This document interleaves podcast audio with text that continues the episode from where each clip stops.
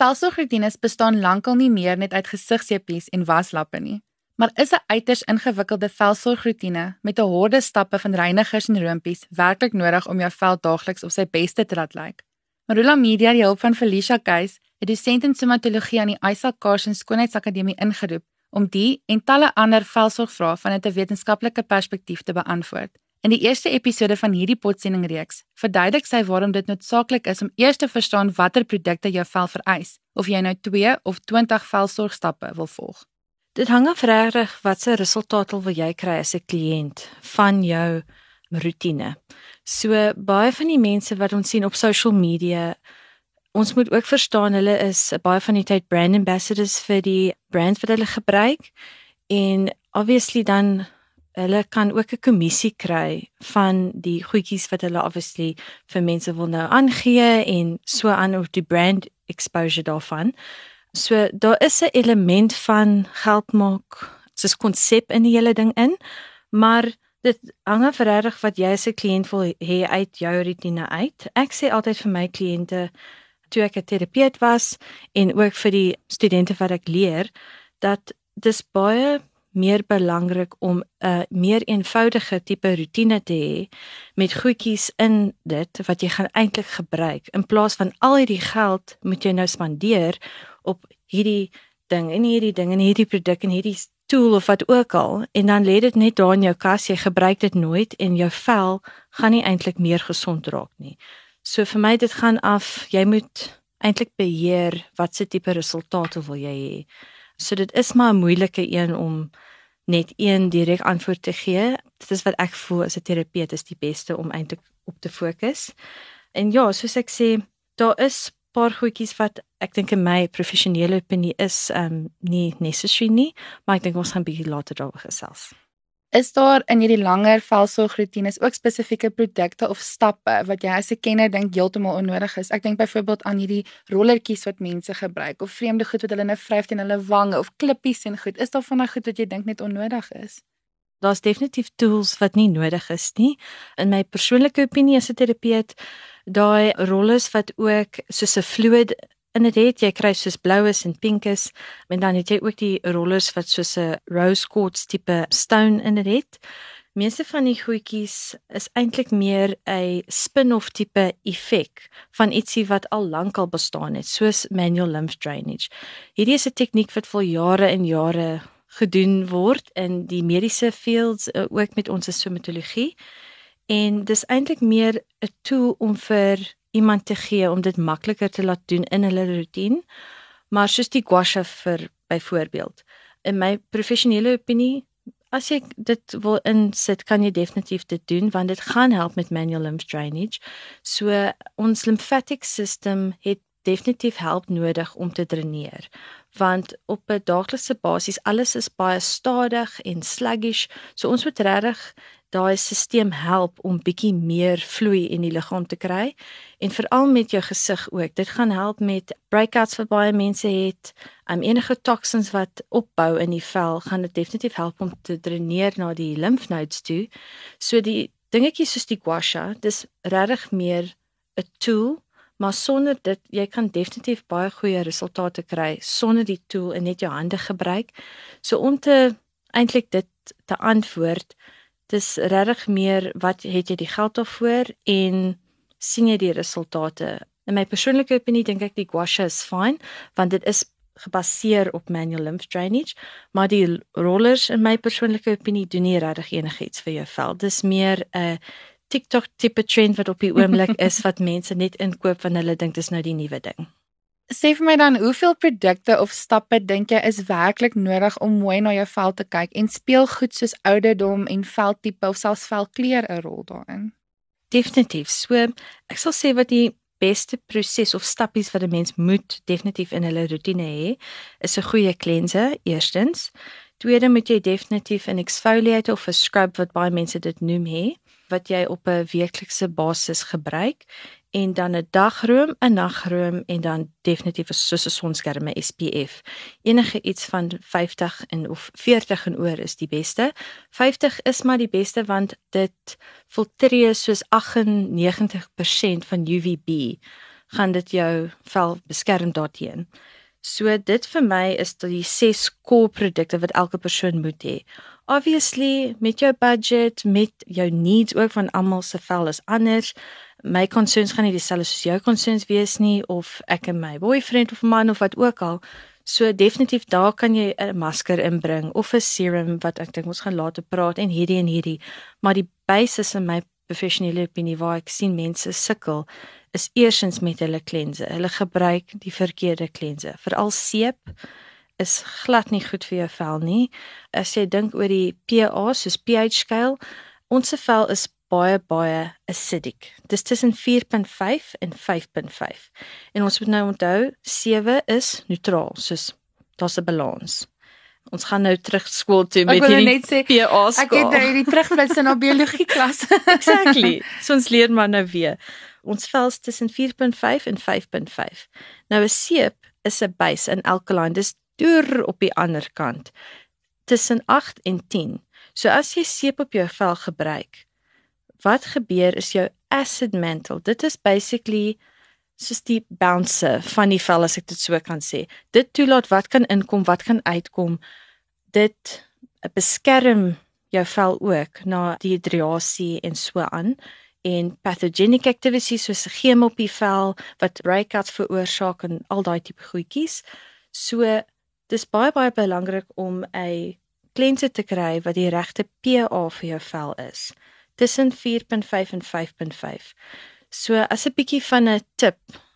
As jy op die rakke gaan sien en dit sê pH balance, dis eintlik nie goed vir jou vel nie want dis 'n 7.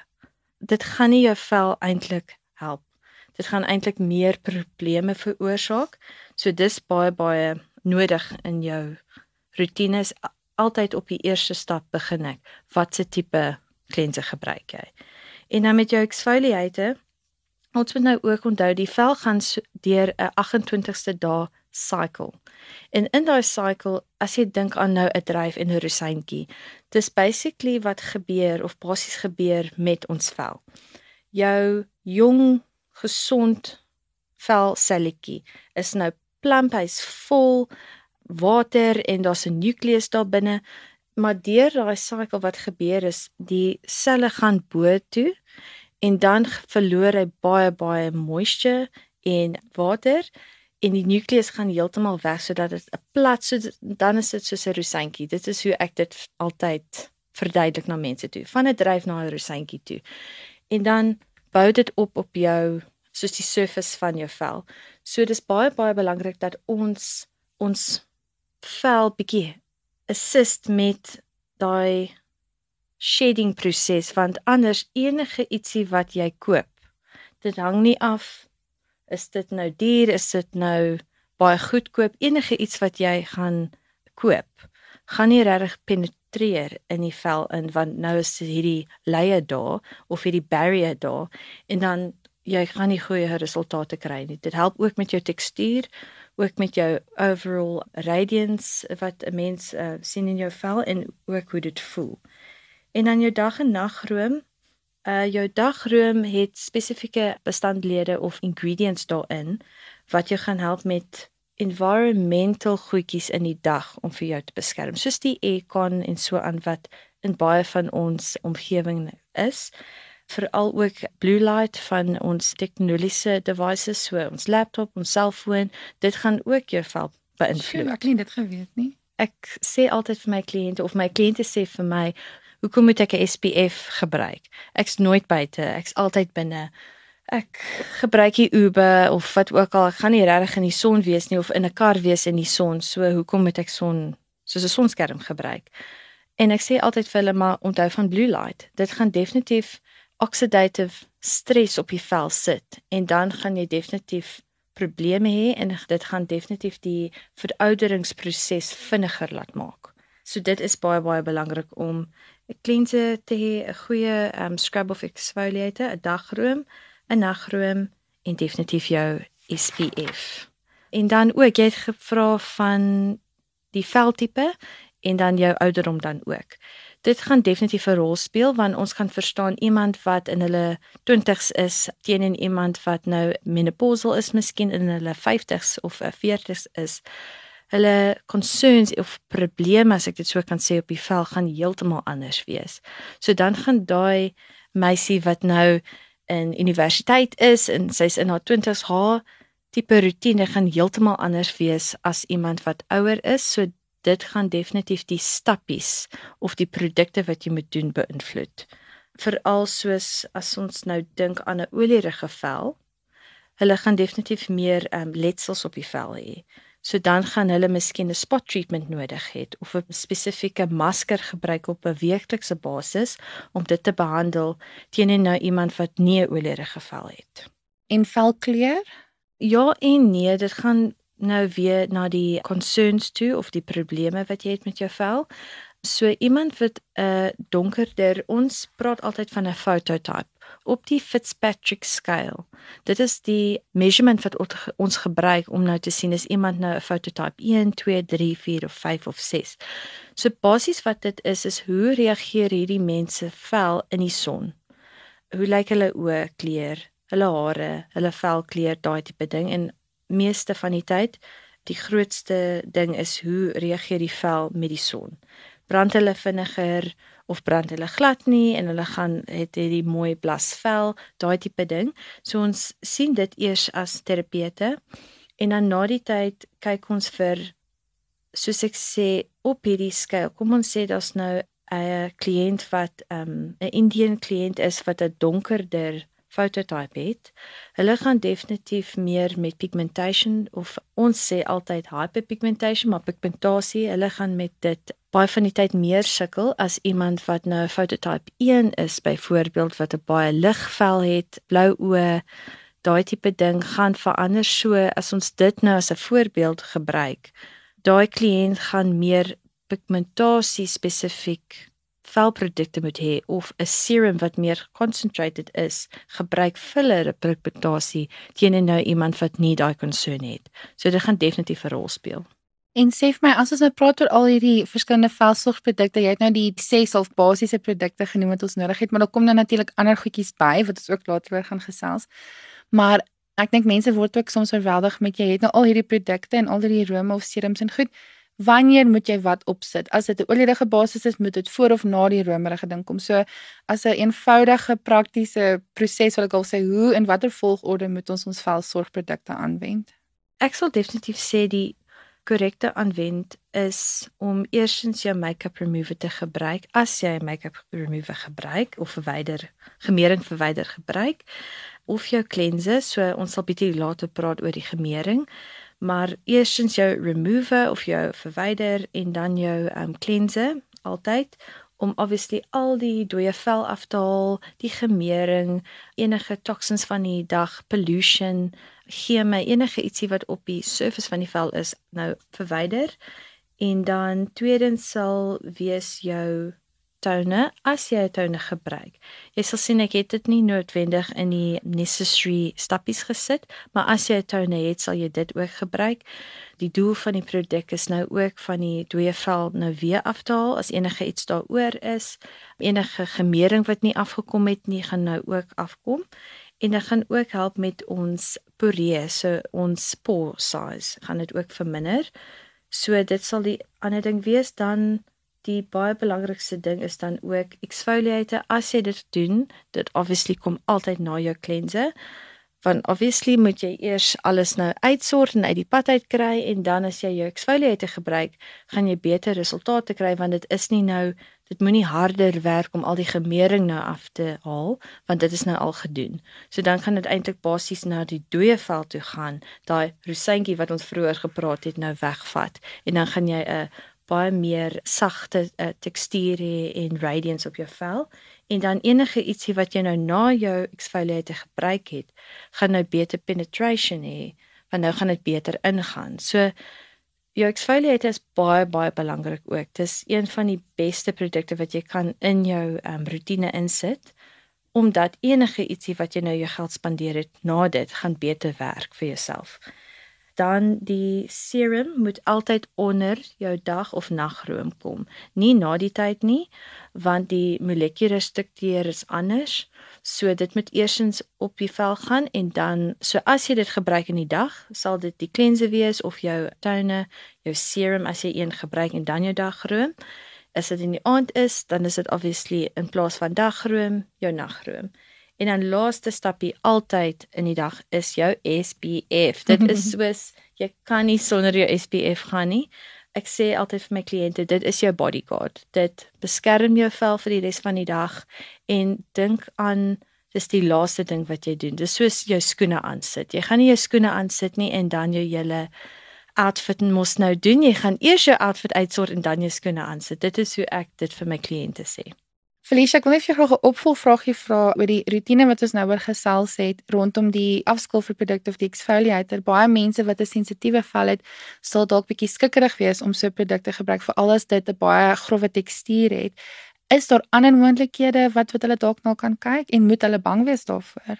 So definitief nie. Jy hoef glad nie bang te wees vir 'n exfoliator nie. Dis regtig die keuse wat jy maak is definitief wat belangrik is.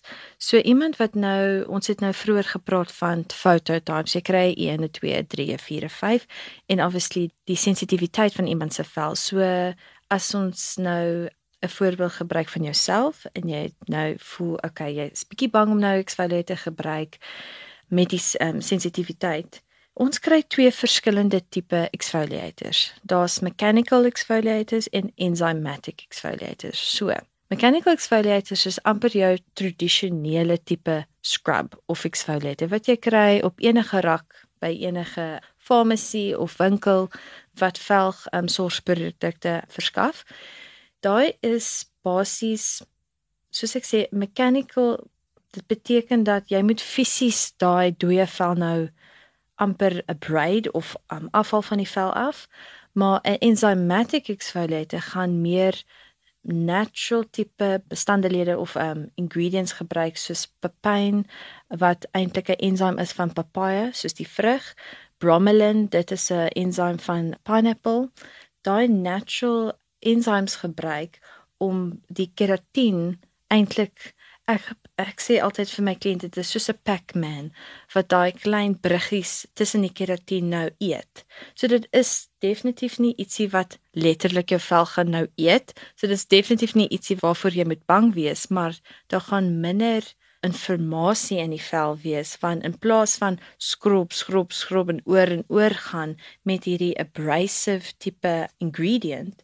Nou het jy eintlik daai enzymes soos papain en bromelain wat kom van ons vrugte. So dit is nie ietsie wat nie goed vir jou vel gaan wees nie. En dit doen eintlik die werk vir jou. So obviously na die tyd gaan jy bietjie rotaries en daai tipe ding doen net om die proses bietjie te help, maar dit is definitief beter vir iemand wat 'n meer sensitiewe tipe vel het, meer vir 'n enzymatic soms kan 'n mens sê dis 'n chemical tipe exfoliator wat hulle dit ook noem, maar as jy dit sien jy hoef glad nie bang te wees daarvoor nie. Dit is nie soos 'n treatment wat jy op jou vel gaan sit wat enige skade gaan doen nie.